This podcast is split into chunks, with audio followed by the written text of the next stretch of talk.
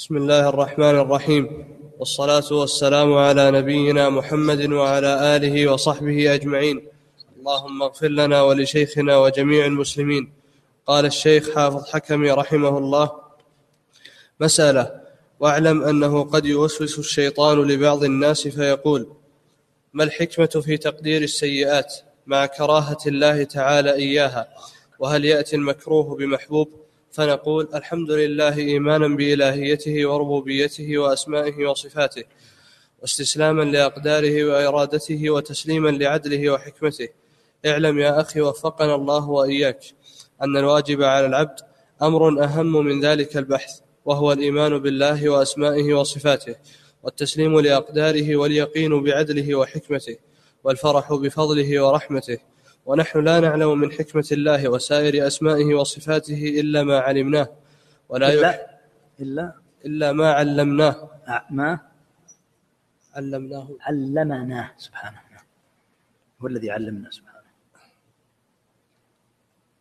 آه اللام شيخ عليها. اللام مشددة والميم مفتوحة يعني أنه كما قلت وعلمك ما لم تكن تعلم. علم الإنسان ما لم يعلم. ونحن لا نعلم من حكمة الله وسائر أسمائه وصفاته إلا ما علمناه ولا يحيط بكنهه شيء منها ونهايته إلا الذي اتصف بها وهو ولا, ولا, ولا يحيط؟ ولا يحيط بكنهه شيء لا. ولا يحيط بكنه شيء منها. الهاء الثانية زائدة. ولا يحيط بكنه شيء منها ونهايته إلا الذي اتصف بها وهو الله الذي لا إله إلا هو. ومما, ومما علمنا من ذلك بما علمنا الله تبارك الآن؟ ومما علمنا. نعم. ومما علمناه من ذلك بما, علم بما علمنا الله تبارك وتعالى أن السيئة لذاتها ليست محبوبة لله ولا مرضية كما قال تعالى بعد أن نهى عباده عن الكبائر المذكورة في سورة الإسراء كل ذلك كان سيئه عند ربك مكروها ولكن يترتب عليها من محابه ومرضاته ما هو أعلم به إما في حق فاعلها من التوبة والإنابة والإذعان والاعتراف بقدرة الله عليها والخوف من عقابه ورجاء مغفرته ونفي العجب ونفي ونفي العجب المحبط للحسنات عنه ودوام الذل والانكسار وتمحض الافتقار وملازمة الاستغفار وغير ذلك من الفرائض والطاعات المحبوبة للرب عز وجل التي أثنى في كتابه على المتصفين بها غاية الثناء. وفي الصحيحين لله أشد فرحا بتوبة عبده حين يتوب إليه من أحدكم كان على راحلته بأرض فلاه فانفلتت منه وعليها طعامه وشرابه فأيس منها. فأتى شجرة فاضطجع في ظلها قد أيس من راحلته. فبينما هو كذلك إذ هو بها قائمة عنده. فأخذ بخطامها فقال من شدة الفرح اللهم أنت عبدي وأنا ربك. أخطأ من شدة الفرح. أخرجاه عن أنس رضي الله عنه عن النبي صلى الله عليه وسلم.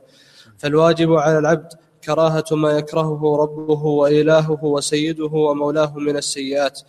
وعدم محبتها والنفرة منها والاجتهاد في كف النفس عنها وأطرها على محاب الله وأن لا يصدر عنها شيء يكرهه, يكرهه الله عز وجل.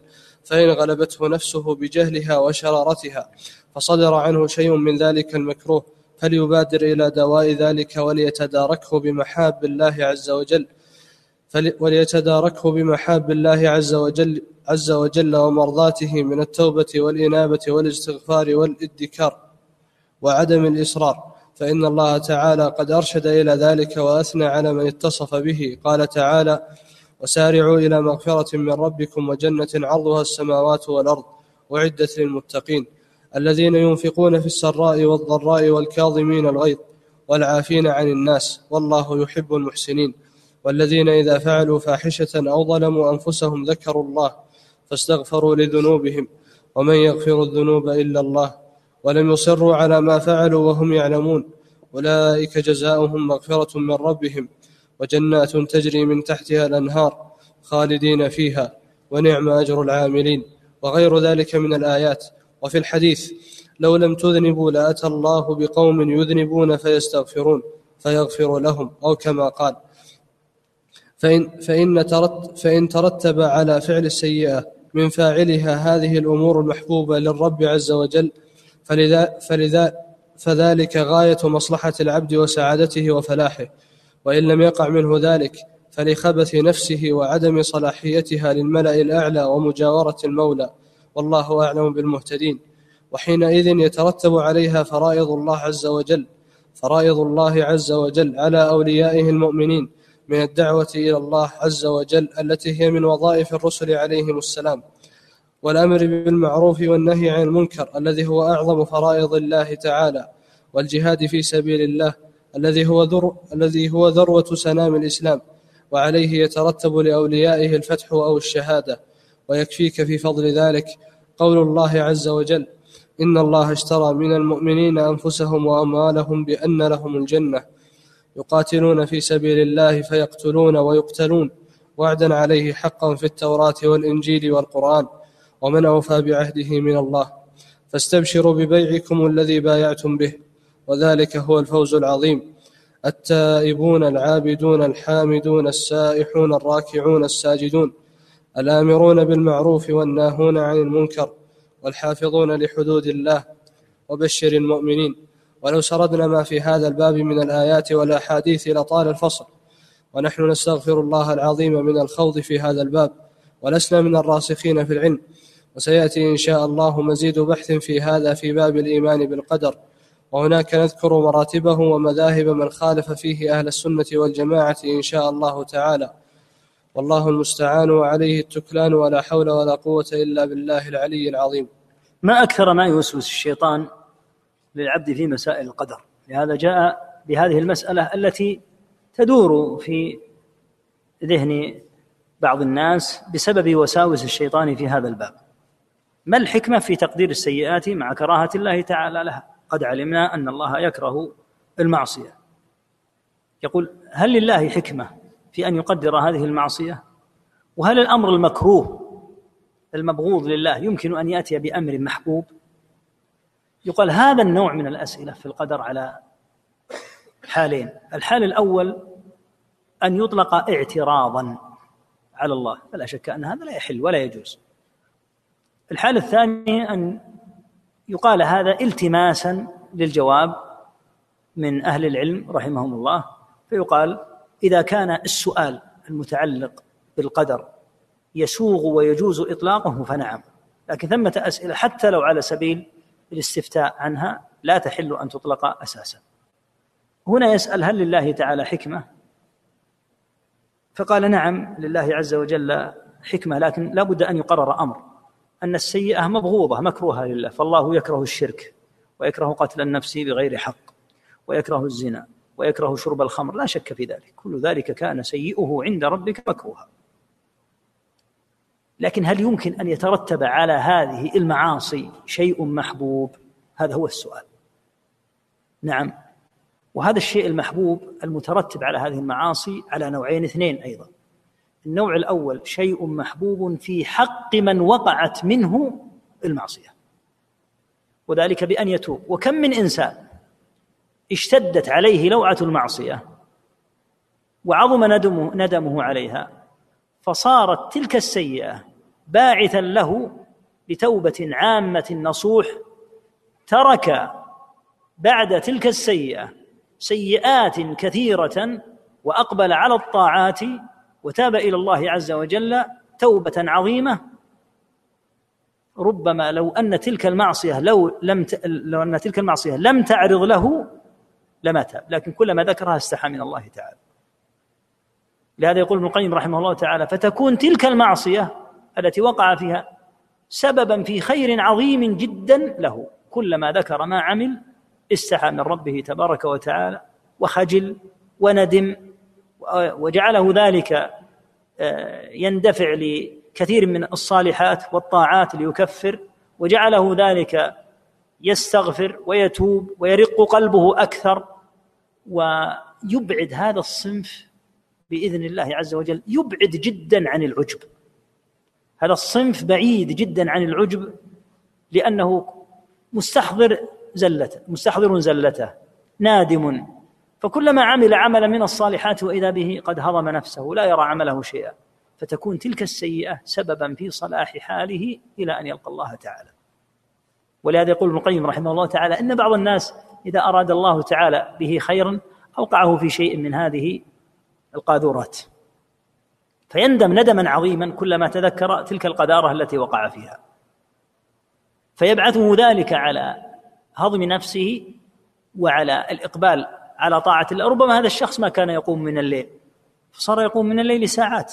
ربما كان ما يصوم فصار يصوم أياما. ربما كان قليل الصدقة فصار يسعى إلى أن يتصدق دائما. كل هذا من آثار كلمة قالها أو فعل فعله واستحضر أنه أساء فيه فترتب على ذلك هذه المصالح. هذا نموذج لما يقع للعبد نفسه. فتكون تلك السيئة كما قيل سببا في دخوله الجنة. قالوا إن العبد قد يعمل المعصية فيدخل بها الجنة. كيف يعمل معصيه يدخل الجنة؟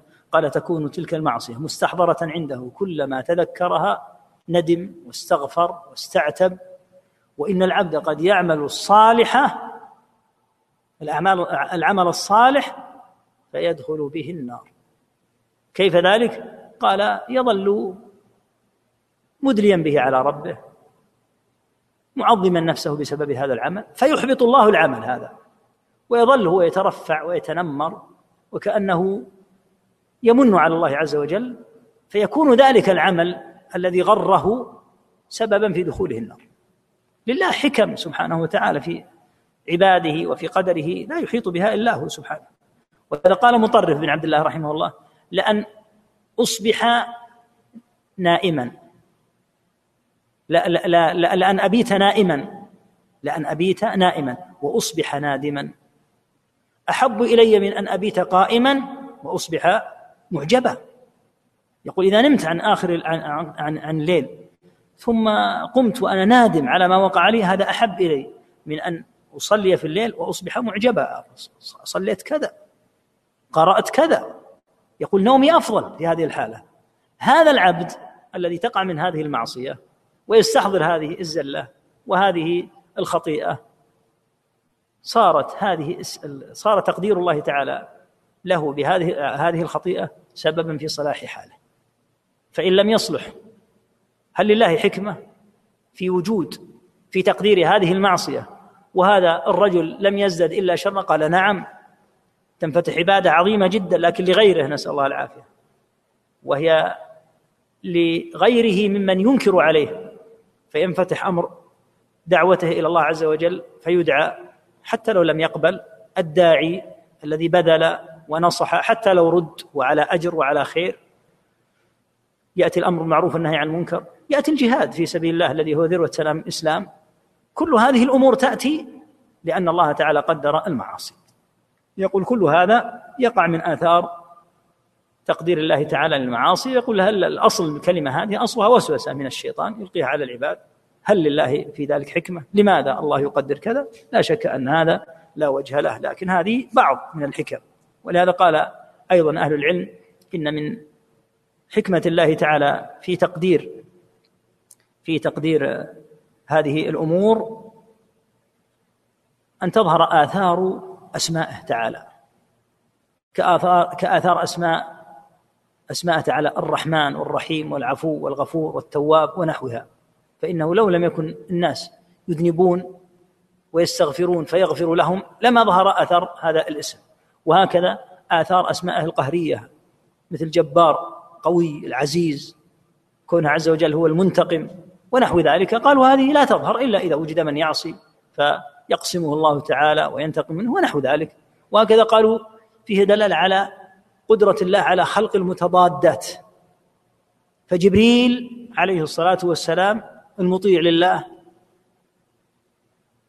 وإبليس العاصي الذي بلغ به العصيان أن يقول لرب العالمين أأسجد لمن خلقت طينا؟ أرأيت هذا الذي كرمت علي؟ لئن أخرتني لأحتني إلى يوم القيامة لأحتنكن ذريته إلا قليلا يقول فيه بيان قدرة الله على خلق المتضادات. أين جبريل؟ أين الملائكة؟ أين الأنبياء صلى الله عليه وسلم من الشياطين ورأسهم إبليس؟ دل على أن الله تعالى قادر على خلق المتضادات. وهذا لا يزال في الناس إلى الآن. إذا وجد أخ صالح وله أخ فاجر قالوا سبحان الله العلي العظيم. انظر قدرة الله أن هذا أخ لهذا. كلاهما خرج من رحم واحد. سبحان الله العظيم أن يكون هذا الرجل الصالح المحسن البر المبادر إلى الخيرات الكاف عن الشر أخ لهذا الفاجر المتمرد سبحان القادر. فلا كان هذه فيها دلالة على حكمة الله وحكم الله في قدره لا يحيط بها إلا هو سبحانه. نعم.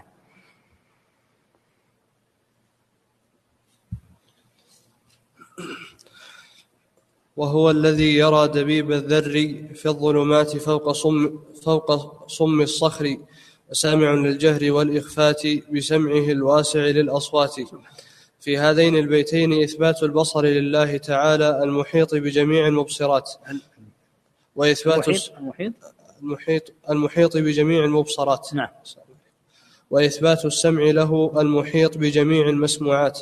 وهاتان الصفتان من صفات ذاته تعالى. وهما متضمن اسميه السميع البصير. قال الله عز وجل إن الله يأمركم أن تؤدوا الأمانات إلى أهلها وإذا حكمتم بين الناس أن تحكموا بالعدل. إن الله نعم ما يعظكم به. إن الله كان سميعا بصيرا. وقال تعالى ليس كمثله شيء وهو السميع البصير. وقال تعالى ذلك ذلك بأن الله يولج الليل في النهار ويولج النهار في الليل وأن الله سميع بصير. وقال تعالى قل الله أعلم بما لبثوا له غيب السماوات والأرض أبصر به وأسمع. وقال ابن جرير, وقال ابن جرير رحمه الله وذلك في معنى المبالغة في المدح كأنه قيل ما أبصره وأسمعه وتأويل الكلام ما أبصر الله لكل موجود وأسمعه لكل مسموع لا يخفى عليه من ذلك شيء ثم روى قتادة في قوله تعالى ثم روى قتادة. عن قتادة.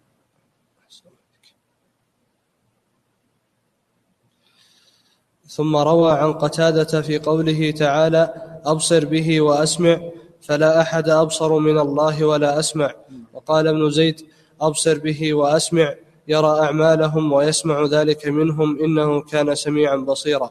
وقال البغوي رحمه الله تعالى أي ما أبصر الله بكل موجود وأسمعه لكل مسموع. أي لا يغيب عن سمعه وبصره شيء. وقال تعالى لموسى وهارون عليهما السلام قال لا تخافا إنني معكما أسمع وأرى. قال ابن عباس رضي الله عنهما أسمع دعاءكما فأجيبه وأرى ما يراد بكما فأمنعه لست بغافل عنكما فلا تهتما وقال تعالى لهما في موضع آخر كلا فاذهبا بآياتنا إنا معكم إنا معكم مستمعون. وقال تعالى أم يحسبون أنا لا نسمع سرهم ونجواهم؟ بلى ورسلنا لدي لديهم يكتبون. وقال تعالى وقل اعملوا فسيرى الله عملكم. وقال تعالى ألم يعلم بأن الله يرى؟ وقال تعالى الذي يراك حين تقوم وتقلبك في الساجدين إنه هو السميع العليم. وقال تعالى لقد سمع الله قول الذين قالوا إن الله فقير ونحن أغنياء. سنكتب ما قالوا. وقال تعالى قد سمع الله قول التي تجادلك في زوجها وتشتكي إلى الله. والله يسمع تحاوركما. إن الله سميع بصير. وعن عائشة رضي الله عنها قالت الحمد لله الذي وسع سمعه الأصوات. لقد جاءت المجادلة إلى النبي صلى الله عليه وسلم. تكلمه في تكلمه وأنا في ناحية البيت. ما أسمع ما تقول. فأنزل الله عز وجل قد سمع الله قول التي تجادلك في زوجها وتشتكي إلى الله والله يسمع تحاوركما إن الله سميع بصير. رواه البخاري في كتاب التوحيد تعليقا. وأخرجه النسائي وابن ماجة وابن جرير وابن أبي حاتم. أخرجه النسائي. أخرجه النسائي وابن ماجة. أي بالهاء بالهاء ماجة رحمه الله ما يقول ماجة. ماجة. نعم. الله وفي رواية له عنه عنها رضي الله عنها أنها قالت تبارك الذي أوعى سمعه كل شيء. إني لأسمع كلام خولة بنت ثعلبة ويخفى علي بعضه وهي تشتكي زوجها إلى رسول الله صلى الله عليه وسلم.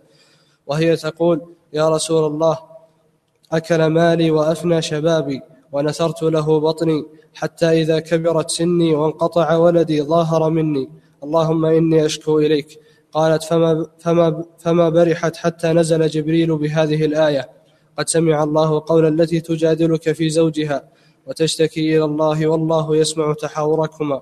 قالت وزوجها أوس بن الصامت.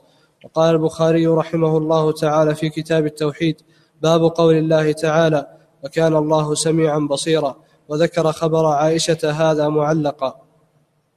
وروى عن أبي موسى رضي الله عنه قال كنا مع النبي صلى الله عليه وسلم في سفر فكنا إذا علونا كبرنا. فقال اربعوا على أنفسكم فإنكم لا تدعون أصم ولا غائبا تدعون سميعا بصيرا قريبا. ثم أتى علي وأنا أقول في نفسي لا حول ولا قوة إلا بالله.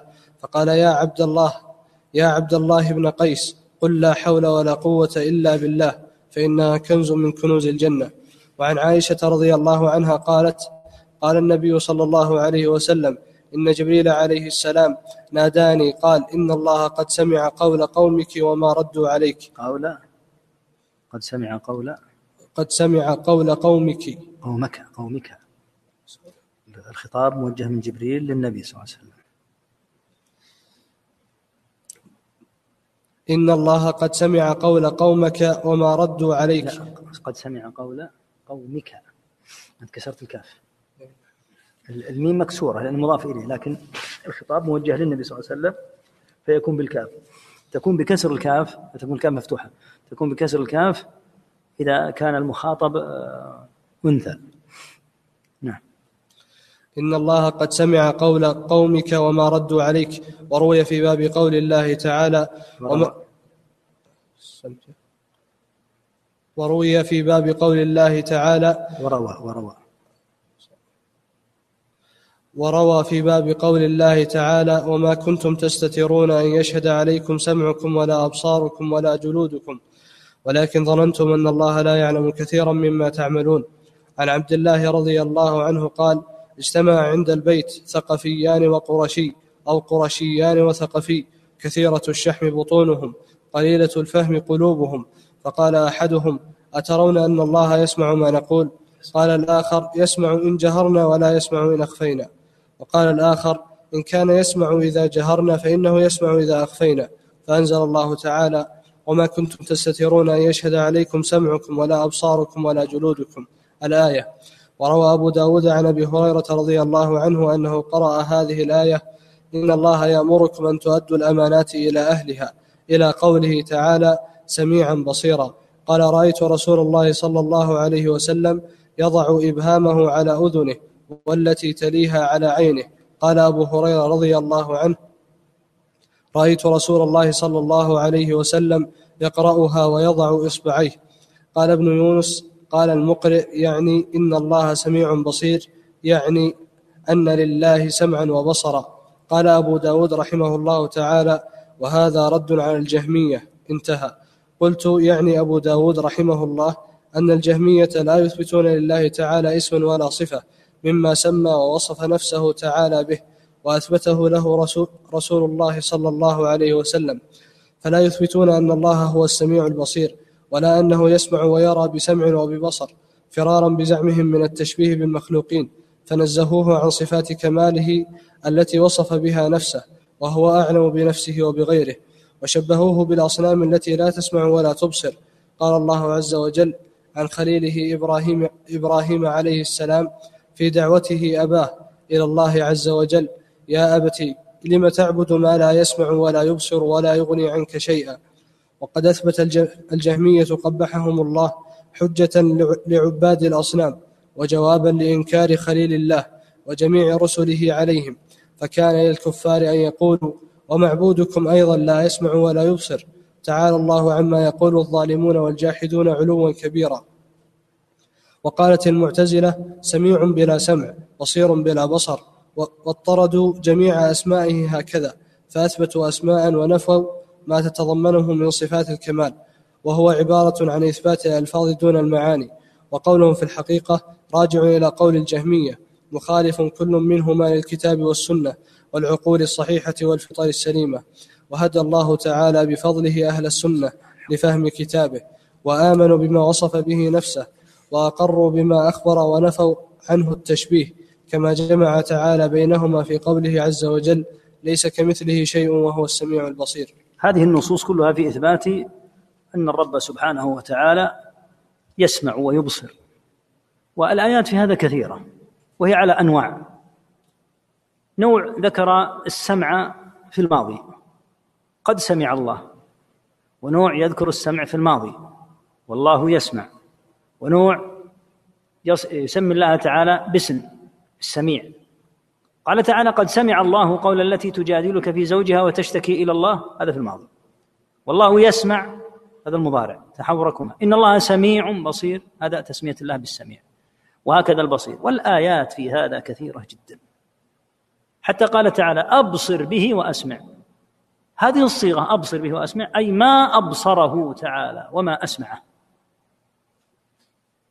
وبصره تبارك وتعالى يحيط بجميع المبصرات فما من شيء في السماوات ولا في الأرض حتى ما في هذه القلوب وما يجول فيها إلا وهو من الله عز وجل بمكان من نظر الله تعالى بمكان.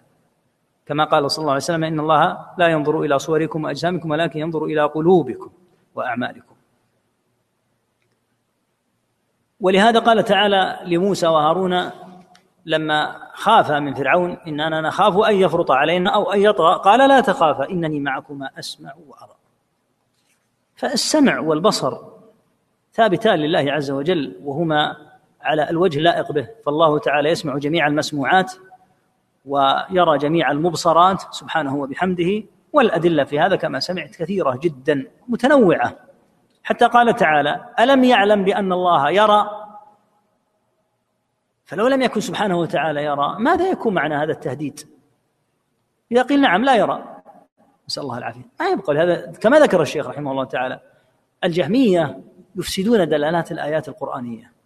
يعني إبراهيم عليه الصلاة والسلام يقول لأبيه مبينا بطلان عبادة الأوثان. يا أبتي لم تعبد ما لا يسمع ولا يبصر ولا يغني عنك شيئا؟ فالجهمية نفت عن الله تعالى السمع والبصر. لهذا يقول ابن خزيمة رحمه الله في كتاب التوحيد أليس العلم محيطا؟ يا ذوي الحجى أن إبراهيم عليه الصلاة والسلام لا ينكر على أبيه عبادة ما لا يسمع ولا يبصر ويدعوه إلى إلا وهو يدعوه إلى عبادة رب يسمع ويبصر لأن إبراهيم يعيب يعيب الأصنام ويريد إقناع أبيه بأنها لا تستحق العبادة لوجود الخلل والنقص فيها. الخلل الأول أنها لا تسمع. الخلل الثاني أنها لا تبصر. الخلل الثالث أنها لا تغني. فإذا قال أبوه وأبو وربك قال أنا أدعوك إلى ربي. أيضا ربي لا يسمع ولا يبصر. يقول ما الفرق بين ربي وربك؟ يقول ابن خزيمة رحمه الله إذا لا أوشك أن يقول أبو إبراهيم تنكر علي عبادة رب لا يسمع ولا يبصر وتدعوني إلى عبادة رب لا يسمع ولا يبصر. يقول الحافظ هنا الشيخ حافظ رحمه يقول هم بهذا يبطلون الدلالة القرآنية لأن الله تعالى يعيب الأصنام دائما من جهة عدم استحقاقها للعباده بصفات نقص. والذين يدعون من دون الله لا يخلقون شيئا. هذه صفة نقص فيهم لأنه إذا كان يعبد من دون الله وهو لا لا لا يخلق فلا يستحق العبادة. لا يخلقون شيئا وهم يخلقون. أموات. غير أحياء. وما يشعرون أيان يبعثون. اذا فكيف تعبد؟ فإذا قيل إن الله عز وجل كما قال إبراهيم يوصف عياذا بالله بما قاله إبراهيم في الأصنام. ولهذا أنكر الله تعالى على بني إسرائيل عبادة العجل وبين سخافة عقولهم بقوله ألم يروا أنه لا يكلمهم ولا يهديهم سبيلا؟ فإذا قيل إن الله لا يتكلم يقال كذلك الله لا يتكلم. لهذا حجج القرآن يفسدها الجهميه إذا تأملت الآن الحجج القرآنية التي بني عليها قوله تعالى يا أيها الناس اعبدوا ربكم الذي خلقكم. يعني تعليل كونكم تعبدون الله تعالى لأنه هو الذي خلقكم. الذي خلقكم عز وجل كما قال تعالى أفمن يخلق كمن لا يخلق؟ أفلا تذكرون؟ ثم قال بعدها والذين يدعون من دون الله لا يخلقون شيئا. إذا لا تستحق العبادة. وهم يخلقون أموات. أموات غير أحياء. وما يشعرون أيان يبعثون. فالجهمية نفت الحياة ونفت السمع ونفت البصر. فيقال إذا في هذه الحالة كيف تتجه هذه الآيات القرآنية العظيمة؟ كيف تتجه الدلالة؟ الدلالة على بطلان هذه المعبودات استحقاق هذه المعبودات للعبادة الضعف والنقص الموجود فيها. فنسب الجهمية قبحهم الله. الضعف الموجود في الأصنام لله تعالى. فنفوا الكلام والسمع والبصر والحياة والعلم. كل شيء. نسأل الله العافية والسلام. ولهذا هذا الموضع والمواضع عموم يعني عموم مواضع الآيات القرآنية تدل على بعد هؤلاء القوم عن الحق وأن النصوص التي تخالف معتقدهم لا نقول عددها عشرة أو عشرين أو ألف نقول القرآن بأسره لا تتجه حججه بالطريقة التي عليها الجهمية والعجب أنهم يقرؤون القرآن. كيف يقرؤون القرآن وفيه هذه الدلالات التي يبنى على أمر الصفات يبنى على أمر الصفات أمر استحقاق العبادة. وهم يرون أن استحقاق العبادة مربوط بكمال الصفات لأن الذي ليس له كمال في صفاته لا يستحق أن يعبد بدلالة هذه الآية القرآنية. ولهذا لما عبد بنو إسرائيل العجل بين تعالى سخف عقولهم إذ يعبدون ما لا يتكلم. ألم يروا أنه لا يكلمهم ولا يهديهم سبيلا؟ فإذا قيل والله لا يتكلم والله تبارك وتعالى لا يسمع ولا يبصر. بطلت والعياذ بالله هذه الدلالات كلها. ولهذا الجهمية أعداء القرآن. يفسدون القرآن يفسدون دلالاته. الحجج التي تتوجه على أهل الشرك يفسدونها. ذكر بعد ذلك جملة من النصوص في السنة. كقول عائشة رضي الله عنها الحمد لله الذي وسع سمعه الأصوات. هذا ما قلنا إن الرب عز وجل يسمع جميع المسموعات وسع سبحانه الأصوات كلها ولا يشغله صوت هذا عن صوت هذا عن صوت هذا مع اختلاف لغة هذا وكون هذا يدعو بشيء وذاك يدعو بشيء لأن الله ليس كمثله شيء. فسمعه ليس كسمع المخلوقين. أنت لو يكلم لو يكلمك اثنان أسكت أحدهما قلت كيف تريد أن أن أفهم وأنت تتكلم وهذا يتكلم؟ لأنك مخلوق ضعيف سمعك على قدرك. أما الرب سبحانه وتعالى فسمعه كما قالت رضي الله عنها وسع الأصوات. ولهذا يدعوه سبحانه وتعالى الملايين في وقت واحد بلغات عدة ولكل واحد منهم حاجة ولا يشغله هذا عن هذا سبحانه وتعالى. من صفاته تبارك وتعالى لا تقاس بصفات خلقه. فذكرت قصة المجادلة وذكرت أن المجادلة كانت قد خفتت صوتها تقول وأنا معهما في ناحية البيت يخفى علي بعض كلامها فأنزل الله قد سمع الله. أليس هذا كله دال دالا على أن الله يسمع؟ وهكذا لما رفعوا رضي الله عنهم أصواتهم بالذكر قال عليه الصلاة والسلام اربعوا على أنفسكم فإنكم لا تدعون أصم ولا غائبا تدعون سميعا بصيرا قريبا. هذا كله يؤكد على كونه تعالى تثبت له هذه الصفات. وهكذا في قوله تعالى وما كنتم تستترون أن يشهد عليكم سمعكم ولا أبصاركم ولا جلودكم. ذكر ابن مسعود رضي الله عنه أن اثنين من قريش وثالث من ثقيف أو اثنان من ثقيف وثالث من قريش اجتمعوا. يقول كثيرة كثير شحم بطونهم قليل فقه, فقه قلوبهم. قال أحدهم أترون أن الله يسمعنا؟ فقال الثاني إن رفعنا الصوت سمعنا. وإن خفتنا لم يسمع. فقال الثالث إن كان يسمع إذا جهرنا فإنه يسمع إذا أخفينا. فأنزل السميع العليم سبحانه هذه الآية. وما كنتم تستترون أن يشهد عليكم سمعكم ولا أبصاركم ولا جلودكم ولكن ظننتم أن الله لا يعلم كثيرا مما تعملون وذلكم ظنكم الذي ظننتم بربكم أردأكم فأصبحتم من الخاسرين. فإن يصبروا فالنار مثوى لهم وإن يستعتبوا فما هم من المعتبين فدل على أن الرب تعالى يسمع وهؤلاء الذين اجتمعوا وحدهم كانوا يتكلمون فيما بينهم فسمعهم السميع العليم سبحانه وتعالى الذي لا لا يعزب عنه مثقال ذرة. النبي صلى الله عليه وسلم قرأ الآية. إن الله كان سميعا بصيرا فعمل هكذا عليه الصلاة والسلام. وضع إبهامه على أذنه والتي تليها على عينه. لتحقيق الصفة وأنها حق وأنه يسمع سبحانه وليس المقصود تشبيه الله بالمخلوق بلا شك. لكن حتى إذا جاء من يقول بنفي السمع وبنفي البصر قال قد أثبته النبي صلى الله عليه وسلم حتى إنه لما قرأ إن الله كان سميعا بصيرا قال هكذا عليه الصلاة والسلام. وضع أصبعه على الإبهام على أذنه والتي تليها وهي السبابة جعلها على عينه. تحقيقا للصفة يعني تأكيدا لكونه تعالى يسمع ويبصر. ولهذا أبو داود رحمه الله في السنن لما روى هذا الحديث قال وهذا رد على الجهمية لأن الجهمية ينكرون الصفات. وهكذا يعني كثير الحقيقة وختم بالكلام الذي ذكرناه عن كون الجهمية قاتلهم الله يفسدون الدلالات القرآنية والحجاج. بارك الله فيك. إن شاء الله شيخ. باقي الأسماء والصفات. لو الإنسان أشار بيده تحقيقا للصفات الذي يظهر والله أعلم أنه يلتزم ما جاء عن النبي صلى الله عليه وسلم فحيث أشار نشير. وحيث ترك الإشارة نترك الإشارة. لأن الإنسان قد يشير بطريقة غير صحيحة. يعني الآن إذا قلت إن الله كان سميعا بصيرا إشارتك صحيحة لأن النبي صلى الله عليه وسلم أشار بها. لكن لو قيل الناس أشيروا كما تريدون قد يأتي إنسان ويشير إشارة لا تكون سليمة. فيقال حيث أشار النبي صلى الله عليه وسلم نشير وحيث آه، قرأ الآية أو ذكر الصفة ولم يشر فإنا لا نشير. الأخ يقول في الذكر بعد الصلاة هل وردت زيادة يحيي ويميت؟ نعم وردت لكن اختلف أهل العلم فيها منهم من يقول أنها ثابتة ومنهم من يقول أنها غير ثابتة. يقول سمى الشيخ حافظ في بداية الكتاب الإرادة الشرعية بالمشيئة. وفي موضع آخر قال إن المشيئة لم ترد إلا الإرادة الكونية. فهل تراجع عن قوله الأول؟ لا ما تراجع. المعروف أن الإرادة الكونية هي المشيئة.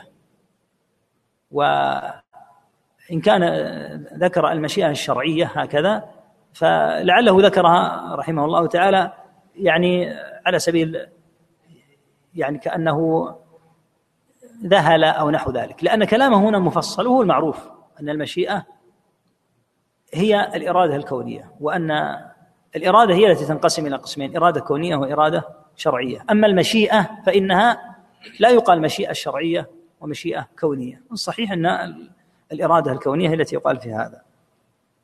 يقول يعني متى يخرج العبد عن منهج أهل السنة؟ إذا خالفهم في المسائل الكبار. يسأل عن الصلاة خلف الإباضية.